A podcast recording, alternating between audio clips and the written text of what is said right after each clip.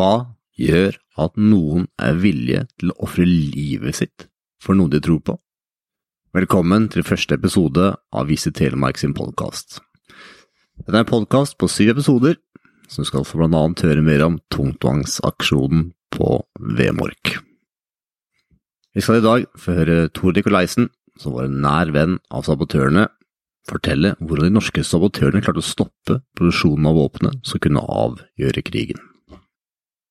Du vil i dagens episode få høre mer om ga tyskerne motstand, Operasjon Freshman, Special Operations Executive og Kompani Linge, Operasjon Gunnerside, Klaus Hellberg, forskjellige personligheter villige til å ofre livet for noe de trodde på, 30 lange minutter, det de hadde sultet for og slitt for i måneder og uker, norgeshistorie om 100 år og mye, mye mer. Vi håper du koser deg like mye med dagens episode som det vi har gjort. Tusen takk for at du hører på. Da ønsker jeg velkommen til dagens episode og Tor Nikolaisen. Velkommen, Tor. Tusen takk skal du ha. Det, det her har jeg virkelig gleda meg til. Jeg har jo sett uh, serie på TV angående Toporganisasjonen. Og jeg har sett filmen for mange år siden, som var en av mine favorittfilmer, og det var 'Heltene fra Telemark'. Og nå sitter vi rett på utsida av Vemork. Og det er en sånn spesiell atmosfære på utsida her, da. Ja, vi sitter jo for det første i forkant av kraftstasjonen, som var ferdig til produksjon i 1911.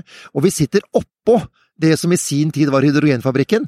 Og vi sitter oppå det som ble sprengt, og som under oss så er denne kjelleren hvor sabotasjen under krigen faktisk foregikk. Så vi sitter, vi sitter jo på plen her, og under oss ligger altså den sprengte bygningen. Hydro trengte ikke lenger den bygningen i drift. Den ble altså underminert og sprengt, og nå sitter vi oppå den. Så under oss var det altså en kjeller eh, som produserte tungtvann. Kan du fortelle litt om eh, tungtvannet for de som ikke har hørt om hva det er før? Eller? Ja, altså Tungtvannet er jo en bitte liten bestanddel av vanlig vann. Det har kjemisk formel D2O, deuteriumoksid, og det er ca. 0,02% tungtvann i vanlig vann. Så jeg pleier for litt moro skyld i foredragene mine å si hvis du blir litt tung i hodet en gang, så er det sikkert tungtvann som slår, slår, slår ut. det kan spaltes ut fra vanlig vann ved hjelp av elektrolyse altså en destillasjonsprosess ved hjelp av store mengder elektrisk energi.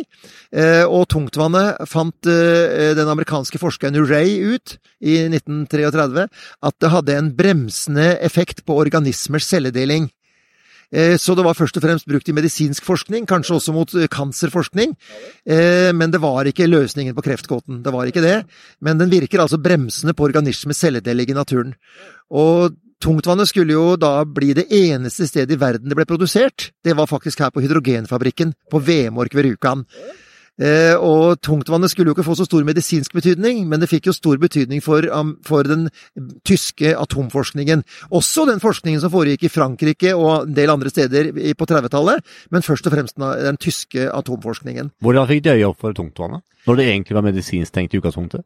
Eh, ut, eh, utfordringen var jo egentlig å få nøytroner som skulle trenge inn i en atomkjerne for å få til en kjedereaksjon. De hadde stort sett for stor hastighet, og man måtte finne et middel eller et stoff som kunne bremse ned nøytronene. Så tungtvannet blir i atomforskningen brukt som en moderator, eller et bremsemiddel for å bremse ned nøytronenes hastighet. Så det er ikke tungtvannet som får en atombombe til å eksplodere, men den brukes altså frem mot en eh, reaktor for å bremse ned nøytronene. Og tungtvannet det fikk man utelukkende fra en fabrikk som lå på Rjukan i Telemark. Hvordan var det tyskerne fikk øynene opp for nettopp VM-ork og tungtvann og Nei, det var jo Dette altså, forsk Forskningen foregikk jo på 30-tallet. Eh, med først og fremst den tyske forskeren Otto Hahn, senere også Heisenberg og mange forskere rundt det. Det foregikk en parallellforskning ved Collège France i Paris, eh, flere andre steder, eh, og de fant ut at siden tungtvannet hadde altså denne bremsende egenskapen på organismers celledeling, mon tro om det kunne brukes som en moderator på nøytronbremsingen. Og, og da kjøpte de det fra Rjukan, fra Hydro, og det ble en god salgsvare for Hydro. Først og fremst til medisinsk forskning, men etter hvert også til disse forskermiljøene som, som jobbet med å, frem, temme atomkraften, først og fremst til sivilt mål. Det var jo først etter at Adolf Hitler kom til makta og Tyskland begynte en voldsom opprusting, at man gradvis gikk over til å forske også på å kunne bruke atomkraften, kanskje i, militærstrategisk hensyn. Og hva skjer da, når eh, Når finner de ut at vet du hva, denne plassen her skal vi ha? ja, nei, De var ikke avhengig av å ha den i og for seg, de skulle bare ha kontroll på den. Og Da krigen begynner og krigen kommer til Norge, så rykker jo også tyskerne frem mot uh, Rjukan, selvfølgelig. Her møter de betydelig motstand, og, og Rjukan blir jo faktisk det siste stedet i Sør-Norge som overgir seg. Og vi er langt ute i mai måned. Det, altså, det var jo eh, okkupert Norge fra 9. april, og vi fikk jo da først, eh, først innkomst på Rjukan, tror det var 3. mai. Ja. Og da var det, må man helt til Nord-Trøndelag før det fortsatt var kamper. Jøss. Yes. Så de kjempa bra for seg oppi her, da? Det er, vi hadde vett å bite på det, er helt sikkert. og tyskerne var jo selvfølgelig ivrige etter å komme til Rjukan. Ja. Ikke minst pga. at det var her tungtvannet produseres, og det var det de skulle ha kloa i. Og Da de endelig kom til Rjukan, så fikk de jo kontroll over fabrikken og fabrikkens ledelse, og dermed skulle tungtvannsproduksjonen forseres, eh, slik at alt tungtvannet som deretter ble produsert, skulle sendes fortløpende til Tyskland. Hvordan opplevdes det for eh, innbyggerne når eh, tyskerne hadde kontroll på noe de hadde kjempa for å holde de unna? Jeg tror ikke de skjønte helt sammenhengen, eh, og det var det vel egentlig ingen som gjorde. Det var jo først senere i krigen at man forsto at dette var et viktig stoff for den tyske atomforskningen. Men ryktene gikk jo fra Rjukan over Nordsjøen til Storbritannia, hvor jo både den norske forsvarets overkommando, vår regjering og konge og kronprins var i eksil. Der kom det urovekkende meldinger om at tyskerne viste så stor interesse for tungtvannet. Og britene var jo etter hvert klar over at dette kunne kanskje inngå i den tyske atomforskningen som foregikk. Eh, britene var også ganske usikre på, eller redd for, at dersom det var sant det Hitler og tyskerne sa, at de virkelig kanskje var i ferd med å utvikle et våpen som kom til å avgjøre krigen til Tysklands fordel i løpet av noen få måneder, ja, så var de jo redd for at Hitler ville være skal vi si, gæren nok til å slippe den første atombombe i verden, kanskje over London. Og Da er det mulig at krigen ville fått et helt annet utfall. Hva ville konsekvensen vært hvis han hadde fått til det? da? Hva, det er, eller, eller hva, hva, tror vi? Det er nok et hypotetisk spørsmål, i og for seg, men uh, man var i hvert fall redd for at man kunne jo utslette mesteparten av London. Og man kunne jo dermed få et helt annet utfall av krigen enn man fikk. Så britene bestemte seg på ganske høyt nivå til å, stanse den tyske atomforskningen, men forsto nok ganske tidlig at det å gå inn i Tyskland og forsøke å stanse den forskningen som foregikk der, ville kanskje være en ganske vanskelig oppgave. Men å dra til Norge, til ei lita fjellhylle ovenfor Rjukan i Telemark, til hydrogenfabrikken og tungtvannsproduksjon, og ødelegge tungtvannsproduksjonen, det var nok noe enklere. Selv om Norge da var okkupert, så så de det som en enklere oppgave, og bestemte seg på det grunnlaget for at tungtvannsproduksjon på Rjukan skulle skulle ødelegges. Var det en enkel oppgave? Ja, de trodde i hvert fall det i, ut, i utgangspunktet. trodde de nok det. Og de regnet med bare én operasjon. Eh, den første operasjonen som ble satt i gang, var jo Operasjon Freshman. Og man skulle landsette eh, britiske ingeniørsoldater ved hjelp av glidefly, trukket av to Halifax bomber over eh, Nordsjøen. Og i glideflukt skulle de lande oppe på noen myrstrekninger i nærheten av Rjukan, på kanten av Hardangervidda. Og etter landing skulle de da eh, nærmest marsjere langs veien nedover, nedkjempe den tyske motstanden de måtte møte, underminere fabrikken og blow up the whole factory, som var tanken da. Åssen gikk det? Ja, For det første så eh, ble det dårlig vær på vei over Nordsjøen. Eh, de fant ikke landingsstedet for gliderne pga. dårlig vær. Maskinene begynte å ise ned. De forsøkte å komme utover mot Nordsjøen igjen, men begge gliderne og den ene Halifaxen gikk jo tapt borte på Sør-Vestlandet, henholdsvis ved Egersund og i Lysefjorden ved Stavanger. Eh, og de Jeg har alltid sagt at de soldatene som ble drept i krasjet, de slapp nok lettest fra det. De andre ble tatt til fange av tyskerne, torturert, pint til døde og skutt alle sammen. Og her mister altså britene 34 ingeniørsoldater og crewet på sju i den ene Halifaxen. Så dette var et stort tap for britene, og fortsatt hadde tyskerne kontroll over fabrikken på Rjukan. Hva gjør de så? Nei, Da starter jo den etterretningsorganisasjonen som leder dette i Storbritannia, er jo SOE, altså Special Operations Executive. Eh, der har man opprettet en Norwegian section, som nå planlegger å Eh, å sabotere eller ødelegge selve produksjonsutstyret. Nå er det ikke lenger nødvendig kanskje å sprenge hele fabrikken, men de vil forsøke å ta seg inn i fabrikken, inn i kjelleren hvor produksjonen av tungtvann foregår, og ødelegge eller sprenge apparaturet. Og Da plukker de ut fire Nei, eh, unnskyld, de plukker ut seks nye gutter i Kompani Linge. Det heter jo egentlig Norwegian Independent Company Number One, men populært kalt Kompani Linge. Deres første sjef, kaptein Martin Linge, han ble jo skutt under måleraidet eh, borte i Sogn og Fjordane 27.12.1941. Eh, da mister dette kompaniet sin meget populære og avholdte sjef. Og som til minne om han, så vokser dette begrepet Kompani Linge frem gradvis, og blir først offisielt etter krigen. Disse gutta som var med i kompani, dette kompaniet borte i Skottland, de kalte seg for norriser. Ja, og norrisen det står for selvfølgelig forkortelsen for Norwegian Independent Company. Eh, Men eh, populært blir det kalt for Kompani Linge, og det er jo blant de sterkeste begrep vi har igjen fra annen verdenskrig i Norge. De fleste i, landet vårt vet jo fortsatt Kompani Linge. Det er sterkt, altså. Men det har jo levd uten liten avsporing, men det har jo levd videre òg, det. Det er vel det som eh, mye av spesialstyrkene i dag Ja, Spesialstyrene på Rena i dag er nok ja. det som er igjen av det som, som kan sammenlignes med Kompani Linge. Det er definitivt riktig. I hvert fall så var det jo i forkant av Freshman-operasjonen allerede plukket ut fire mann fra Kompani Linge, vi tillater oss å kalle det det, eh, som ble sendt som en reception-komité og skulle ta imot glideflyene og ingeniørsoldatene i Freshman. Men eh, Så de kom jo til Hardangervidda allerede 18. oktober 1942 havnet langt lenger inn på Hardangervidda enn de var bedt om, fikk en meget slitsom eh, skiferd fra sentralvidda og utover mot Rjukan. Jeg brukte 15 dager i et umenneskelig slit for å komme i posisjon på disse myrstrekningene som skulle ta ned glide, glideflya. Dette var slit, altså. Eh, Det er det ingen tvil om. Eh, De var i posisjon, de tente landingslys, ventet på glideflya, og så ble det stille. De hørte flyene over seg, og så forsvant de, og tragedien eh, etterpå er jo et faktum. De får om å dra innover vidda og gjemme seg der, og venter og tror at eh, den neste gjengen, som nå har dekknavnet Gunnerside, at de skal komme i god tid før jul, altså i løpet av en 14 dagers tid. Men eh, de var over Norge to ganger, men returnerer av flyproblemer den ene gangen og dårlig vær. Så den nye gjengen Gunnerside de kommer ikke til Norge før midt i februar måned. Og denne venteperioden ligger denne vesle gruppa på fire mann, som har dekknavnet Grouse, midt inne på Hardangervidda i ei lita jakthytte, og klarer seg som best de kan. Og klarer det. Og så, da, midt i februar, så kommer den nye gjengen. Der er lederen Joakim Rønneberg, og han er jo per i dag da eh, den eneste gjenlevende av disse gutta.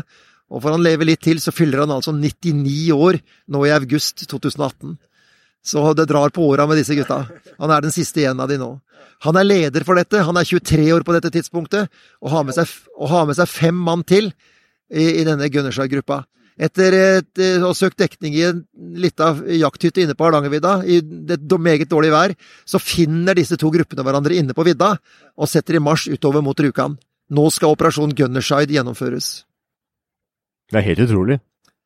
Ja, det, altså, de var jo godt forberedt. Rønnebergs gjeng hadde brukt god tid i England eh, på å trene og trene og atter trene. Og Glaus, som hadde ligget og ventet og ventet og ventet, de var nå klare for operasjon. De tar seg frem til Fjøsbudalen, som er altså ei hytte like eh, på motsatt side av eh, Vemork, hvor vi sitter nå, eh, og der overnatter de. Derfra rekognoserer de en mulighet for å finne en vei gjennom dette voldsomme elvejuvet. Mange mente jo at det var umulig å forsere juvet, og den opprinnelige planen var nok å skyte seg over brua, for på brua over til Vemork her gikk det tyske vakter. De kunne man uskadeliggjøre, men det kunne risikere alarm og skyting, og da ville resten av vaktstyrken her oppe på Vemork, som lå i ei vakthytte her, bli alarmert, utgruppere og ligge klar og vente på deg. Og det å rykke frem oppoverbakke mot en fiende som allerede ligger utgruppert og venter, det er dårlige odds. Ja, for her er det bratt. Ja, og kunne de da klare å forsere dette juvet som mange mente var umulig, så hadde de en mulighet for å komme mye nærmere målet før det eventuelt ble en alarm, og de ville kanskje ha et overtak fra starten av. Og det er bratt her, Tor. Ja, når man ser juvet fra Vemorkbrua, så er det jo stupbratt og loddrette fjellvegger, men når man går ca. en kilometer nærmere Rjukan, hvor passasjen skjedde, så er det faktisk mulig å krysse juvet. Og det var det en av sabotørene, Klaus Hellberg, eh, fant ut. Han ble sendt ned midt på lyse dagen, i sivile klær, for å rekognosere og finne ut om det var mulig.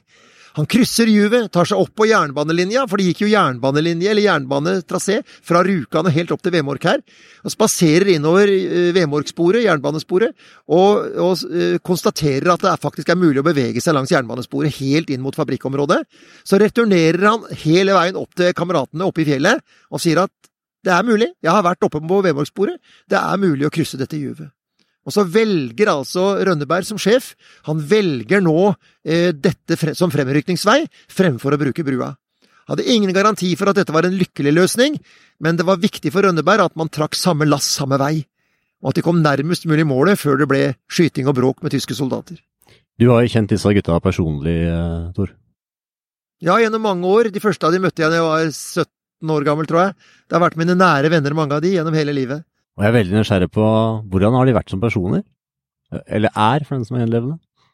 Ja, I forhold til historie, de var veldig forskjellige. De kom fra forskjellige samfunnslag, eh, forskjellige steder av landet. Noen fra Vestlandet, noen fra Østerdalen. Noen, fire av de var fra Rjukan for øvrig. Eh, de var veldig forskjellige typer, men de var ydmyke overfor historien. Blant annet så opplevde jeg gang på gang at de alltid omtalte sabotasjen og innsatsen sin i tredjeperson, og det er ganske spesielt. Men de må ha vært spesielle som personer for å gjennomføre noe ingen andre klarte å få til, og ikke noe så veldig mange andre stilte på heller. De må, ha vært noen spesielle personer etter det her. Hva er liksom den røde tråden med dem? For det første så var de altså eh, unge. De var uredde. De var eh, eh, lystne på å gjøre en innsats for fe fedrelandet. De var motivert av den grunn. Og de var faktisk villige til å ofre livet for det de trodde på. Og det var jo slett ikke sikkert at dette skulle komme til å gå bra. At de i tillegg hadde flaks og kom levende ut av dette, ja, se det var jo en, et fint pluss. De var 100 resultatorienterte. Jobben skulle gjøres. De har kommet seg inn på området. Det å sprenge produksjonsanlegget, det var de sikre på de skulle klare. Men å komme ut igjen uten kamp, det var de mye mindre sikre på. Og det er jo noe spesielt bak en sånn tankegang. Når man vet man kommer inn, men kanskje ikke ut igjen. Jeg vet jo at de hadde hver sin lille giftampull i lomma. Og en av dem sa en gang til meg i en samtale at hadde jeg blitt tatt på Vemork, av tyskerne, så hadde jeg valgt å ta mitt eget liv, fremfor at tyskerne skulle pine meg til døde. Den fornøyelsen skulle jeg i hvert fall snyte dem for. Det er spesielt å høre det utsagnet. Ja, når man tenker på at de var mellom 23 og 28 år gamle, midt i sin beste alder. Eh, de kom seg altså ut igjen. De kommer seg ut av området. Eh, de kommer seg ned i juvet. Alarmen går ikke med en gang. Tyskerne har ikke forstått hva som har skjedd. De tror først at det er kanskje en mine, landmine. Men kom de enkelt inn, da, eller? Ja, de tok Nei, enkelt og enkelt. De dørene de skulle ha gått inn, var låst, så de klatrer Rønneberg og, og Fredrik Kaiser klatrer altså inn gjennom en kabelgate. Eh, tredjemann, eh, tredjemann eh, som er Birger Strømsheim, blir stående først på utsida. Så slår han inn ei glass, glassrute og klatrer inn gjennom et vindu, inn i tungtvannskjelleren. Og hjelper til med å plassere sprengstoffet. Så det er tre mann inne, pluss en vaktmann like på utsida. De andre i operasjonen er altså plassert rundt på området for å ta seg av den tyske tyske vaktstyrken når alarmen går. Unnskyld at jeg avbryter, Tor, men hvordan i pokker klarer man å forholde seg rolig når man uh, har tyske soldater rundt som egentlig er uh, veldig klare for å ta livet av deg hvis du gjør noe galt? det, er da man, det er da man viser at man er en god soldat. Men det var jo spennende. Jeg pleier alltid å si at Rønneberg var inne, og hans gjeng var inne i produksjonsutstyret for tungtvann en halv time. Mens vaktstyrken for øvrig som skulle ta seg av den tyske gjengen når det smalt, eller begynte å eh, bråke, de ventet ute i 30 lange minutter. Det er stor forskjell på en halv time og 30 minutter, i hvert fall når du sitter og venter. Hva har gått galt? Hvorfor kommer de ikke ut igjen? Hvorfor smeller det ikke? Skal vi aksjonere på egen hånd? Men de hadde tålmodigheten til å sitte der. De har vært utrolig disiplinerte. Ja, og så har de jo altså da gjennomgått operasjonen mange ganger. De har hatt god tid til å trene. Selv når de satt ute på jernbanesporet her fra kvart over tolv til halv ett om natta, så går jo Rønneberg nok en gang gjennom hver enkelt manns oppgave. De gjorde det. Enda en gang. Så det er drillet og drillet og drillet.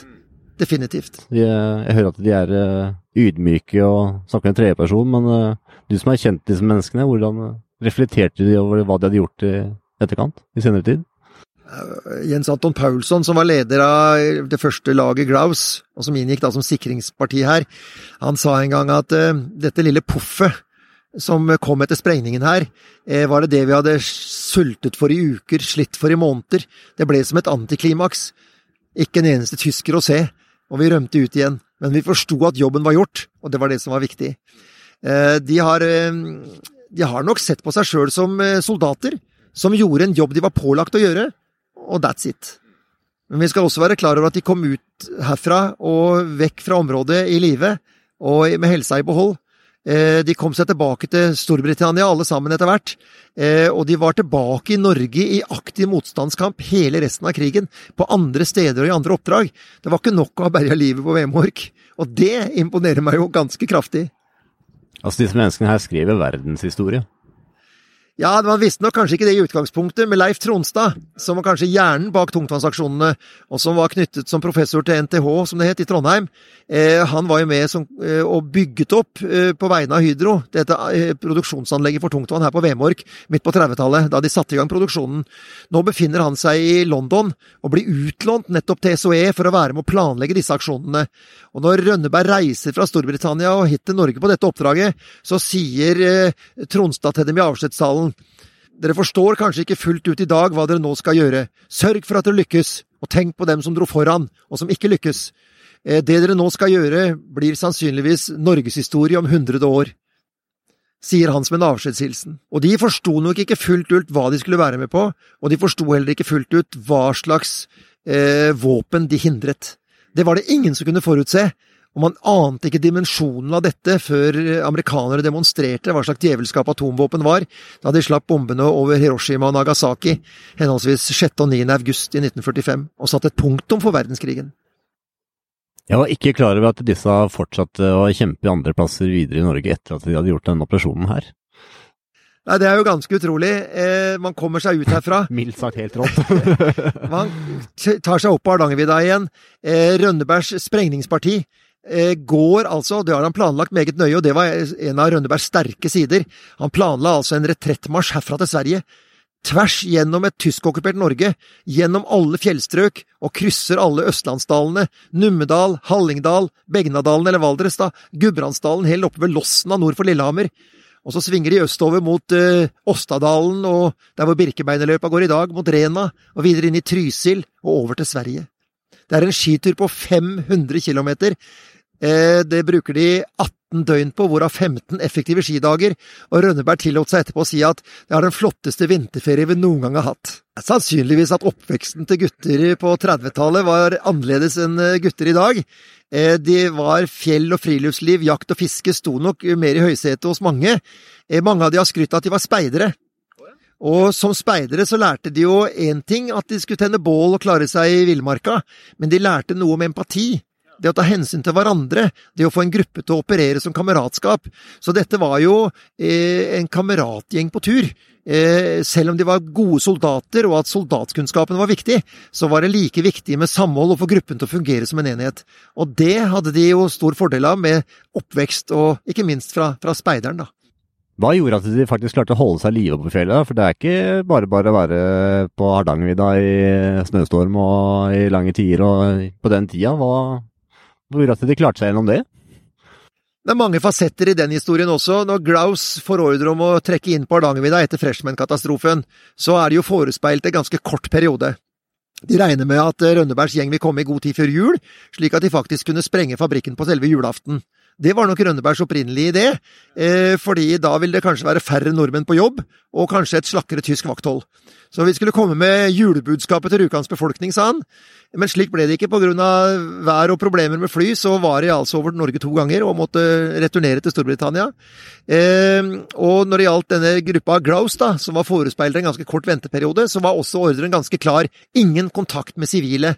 Ingen skulle vite at de var der, de skulle oppholde seg inne på Hardangervidda i denne venteperioden, og ingen måtte få mistanke om at de var der.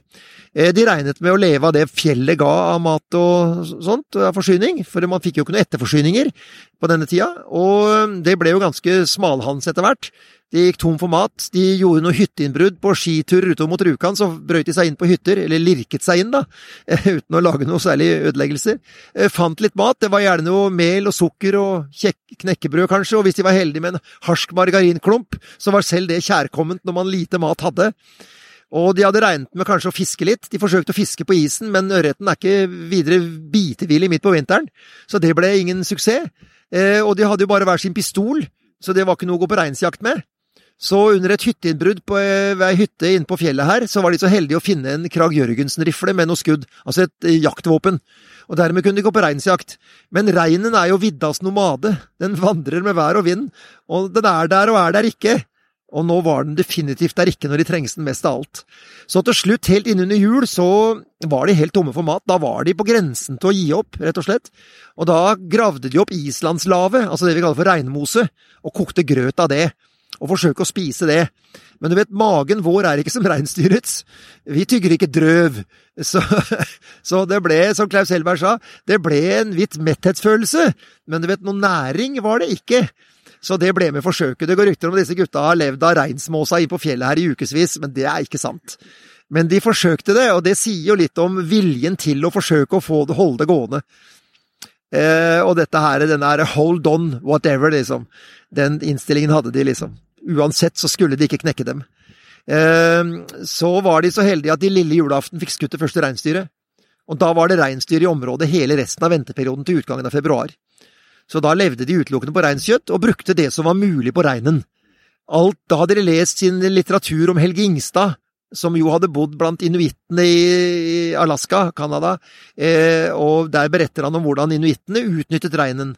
Hjernemassen, margbeinet, blodet, innholdet i magesekken, denne magegøra som er full av C-vitaminer, og som jo forebygger mangelsykdommen skjørbuk. Denne kunnskapen hadde de, og de takket Ingstad mer enn én gang for hans bok om pelsjegerliv blant inuittene. Eh, og dermed kunne de altså faktisk unngå å bli syke. Og de levde da på reinskjøtt og tilbehøret, eh, og kom seg godt gjennom denne venteperioden. Det var nok tøffere, kanskje, at fire gutter i 20-årsalderen på e- Ettrops hytte når uværet banker i hytteveggen dag ut og dag inn, det er nok en like tøff eh, belastning, bare det. Uten tvil. Jeg vil ha det litt tilbake igjen til selve aksjonen. For du sa at det er forskjell på halvtime på 30 minutter. Og jeg tenker på disse menneskene som satt på utsida her da i 30 minutter og venta. Hvilke tanker for gjennom hodet på de, og hvor ofte tenkte de at dette går skikkelig galt? Vet du det? Det vet jeg ikke noe om. Det eneste jeg vet, det er jo at det var nære på i forbindelse med avslut avslutningen av dette. For da eh, kom en tysker ut av vaktbrakka eh, og lyste rundt seg. Han var borte og kjente på døra til elektrolysefabrikken. Eh, og eh, da, det, da lå det to mann i nærheten, og planen deres var at når alarmen gikk, for det var jo forberedt på at den skulle gå, så skulle den ene åpne ild med en maskinpistol mot eh, døra, samtidig som den andre skulle løpe fram med håndgranater og kaste inn gjennom vinduet og prøve å tilintetgjøre vaktstyrken. Når denne tyskeren kommer ut, så vil den ene dra splinten av håndgranata, mens den andre legger hånda på og med hele sitt kroppsspråk sier nei, vent, og han drar ikke ut splinten av håndgranata, og tyskeren går inn i brakka igjen. Så det må ha vært ganske nervepirrende og ganske nær at spetakkelet hadde begynt. Hva gjør de så, Tor, når de da akkurat har sluppet å hive en håndgranat på den tyske styrka? Hva skjer så? Nei, de har jo vett å sitte og vente litt til, da. Eh, og de sitter, de hører jo smellet eh, fra, fra, salvene som går av. Eh, og da forstår de at når salvene har gått av, så må Rønnebergs gjeng være ute av fabrikken. Eh, nødvendigvis. Eh, forhåpentligvis. Og så trekker alle ut fra området og utover på jernbanesporet, og alle løper utover jernbanesporet i retning Rjukan og ned i juvet, samme veien som de var kommet opp og inn. Er det bak oss nå, eller? Ja, det er det. Utover retning Rjukan her. Eh, på jernbanesporet utover løper de. Og ned i, eh, ut av porten og ned i området. Vekk fra og når de, akkurat når de kommer opp på bilveien og skal til å krysse bilveien på andre siden, så kommer de første bilene fra Rjukan. Og det er jo ikke noen tyske troppeforflytninger, som mange har trodd. Det er rett og slett fabrikkens ledelse og den tyske årskommandanten som er varslet om at det har vært en sprengningsulykke på Vemork. Man vet, man vet, altså en teknisk eksplosjon. Man vet på det tidspunktet når man varsler de, at ikke om det har vært en sabotasje. Det er først når den norske vaktmann, prosessoperatøren som de har gått på inne i fabrikken, eh, der han kommer ut og forteller at det har vært sabotører inne, Eh, at alarmen går. Rømmer de da til eh, Hardangervidda, eller? Ja, da kommer de seg opp på andre siden av bilveien, tar der utstyret sitt, ski, sovepose, ryggsekker, eh, og går på ski i retning Rjukan. Møter de noen på veien der, eller? Nei, de går ikke langs bilveien, de går i kraftledningsveien, som det heter, som er en eh, liten kjerre eller anleggsvei under kraftlinja mellom eh, her og Rjukan. Så de går 50-100 meter høyere opp enn bilveien, og ser etter hvert biler kjøre mot, Ruka, mot Vemork fra Rjukan, mens de beveger seg mot Rjukan. Eh, og tar da opp under Krossobanen, denne taubanen som går på nordsiden av åsen her ute, eh, og følger under taubanen går det nemlig en liten anleggsvei som kalles Ryes vei i sikksakk, ma eh, mange svinger oppover fjellsida, og i hver eneste sving speider de spent ned mot Nedre stasjon, for de regner jo med at tyskerne kommer etter, og vil kunne skyte dem fra vogna eventuelt og starte banen. Men de kommer ikke etter, og de passerer da toppstasjonen litt i skogen der, og inn mot Hardangervidda. Og når de sitter i bjørkeskogen, den glisne bjørkeskogen like før høyfjellet, og sitter og puster ut, så er de der alle sammen. Og det er ikke løsna et eneste skudd, og de er i live alle sammen og i god form, kanskje til deres store overraskelse. Og mens de sitter der, så kommer de rosa makrellskyene på østhimmelen, og sola står opp og gyller over fjellene, og de får nok en dag og livet i behold. Det er en helt rå historie, Tor. Ja, det er det. Det er jo det. Det er ingen tvil om det. Eh, og det er viktig å holde liv i den. Eh, de har fortalt oss, eh, helt opplagt, at det nytter å kjempe imot selv en stor overmakt. Så hvor viktig det var å ødelegge tungtvannet i forhold til tysk atomforskning, og hvor langt tyskerne ville ha kommet hvis de hadde tungtvann nok, ja, så det blir spekulasjoner. Men det at en liten gruppe på denne måten gjorde det vanskelig for tyskerne, det bidro også på alliert side til å vise at det nytter å kjempe imot en overmakt. Ja, for det var et kjempemaskineri. De hadde jo både teknologi og alt på sin side. Og så var det en liten håndfull gruppe gutter som kom ned fra Hardangervidda og gjorde det vanskelig for dem. Det er jo ganske spesielt. Det er helt rått. Jeg pleier i ettertid å si at uh, uh, vi har så lett, vi som har vokst opp etter krigen, til å ta fred og frihet som en selvfølge. Ikke la oss ta det som en selvfølge. La oss ta vare på den freden vi har, hver eneste dag. La oss vokte om freden og friheten. Vi er så heldige vi at vi bor i en del av verden hvor det er fred og frihet. Eh, Rønneberg sier det på følgende måte Fred i et land er som å vokte en glassbolle. Så lenge du passer på den glassbollen, tenker på den hver dag og vokter om den, så går det bra. Men et ørlite glipptak, så går bollen i gulvet i tusen knas, og så er katastrofen der igjen. Derfor er det viktig for meg, gjennom formidlingen av historien, til skoleklasser, til forsvarsgrupper, til turister som er her, hele tiden eh, å ta vare på minne om dem. Og vi tar vare på, minne om disse sabotørene og den innsatsen de gjorde, i beundring og takknemlighet. For det tror jeg de fortjente. Uten tvil. Det kan vi være veldig enige om. Vi var inne og så på museet her uh, før vi satte oss ut. Og det viste meg en utrolig bra framvisning av de forskjellige operasjonene. Og jeg har vært på noen museer i mitt liv, altså, men det der tok pusten fra meg. Måten det ble framstilt og måten uh, dere har laga det her på museet, er ja, ja, det var helt rått. Jeg kaller det, for mørk, kaller det for mørkerommet, jeg, hvor man i løpet av 16-17 minutter får presentert de fire forskjellige operasjonene. For én ting var glideflyoperasjonen, som jo ble en katastrofe. Gunnerside, som vi har snakket mye om, så ble absolutt en, en vellykket operasjon. Eh, så ble jo fabrikken satt, bygget opp igjen og satt i gang igjen, og alt et halvt år etter Gunnerside produseres det jo tungtvann som aldri før. Da får man jo en bombing av fabrikkene her og på Rjukan. Et betydelig bombeangrep som resulterer i 22 sivile drepte, blant annet. Og så får man jo senkingen av ferga Hydro på Tinnsjøen til slutt, hvor 18 mennesker omkommer. 14 nordmenn og 4 tyskere. Så altså man får fire forskjellige aksjoner, og disse forskjellige aksjonene presenteres i dette mørkerommet ganske kort og konsist og intensivt. Og det er et flott flott oppsummering og en spennende opplevelse å være i det mørkerommet. Ja, Helt fantastisk. Og så ser det så veldig levende ut òg, for det, det, er helt mørkt. Og etter hvert som historien forandrer seg, så forandrer menneskene som Liksom man ser bak det er, det er helt, ja, det var, De forskjellige sabotørene dukker opp. I Freshman så sitter jo soldater i glideflyene på vei til Vemor, eller til vei til Rjukan. Eh, vi ser jo eh, disse karene som er i bånn av båten, som skal plassere sprengladningene, og de betenkeligheter de måtte ha om skal vi virkelig sprenge dette sivile, denne ferja, eh, og betraktningene de gjør rundt det. Eh, det var også en ordre om å gjennomføre, selvfølgelig. Eh, så vi får betraktninger, men kort og konsist på så få minutter, fortelt hele historien. Tusen takk for tida di, Tor. Det har vært eh, utrolig inspirerende og tankevekkende på flere måter å høre hvordan mennesker har ofra seg for andre. Samtidig som å komme hit og se, da. Det også har gitt en stor følelse. Det må først da få komme inn her. Jeg kom jo først opp her, og så så jeg på bygget, og det ga en viss følelse, det òg. Men jeg kom inn og fikk se på historiene vise meg det på mørkerommet, det var uh, utrolig. Og nå har jeg hørt historien i tillegg, så tusen takk for tida di, Tor.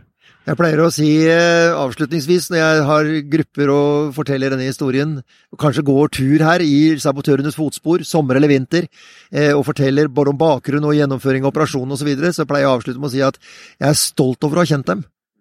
Jeg er stolt over å ta vare på deres historie, og jeg er stolt over hver eneste gang jeg får anledning til å formidle den til nye tilhørere. Da er jeg stolt over å få hørt den, Tor, så tusen takk for tida di.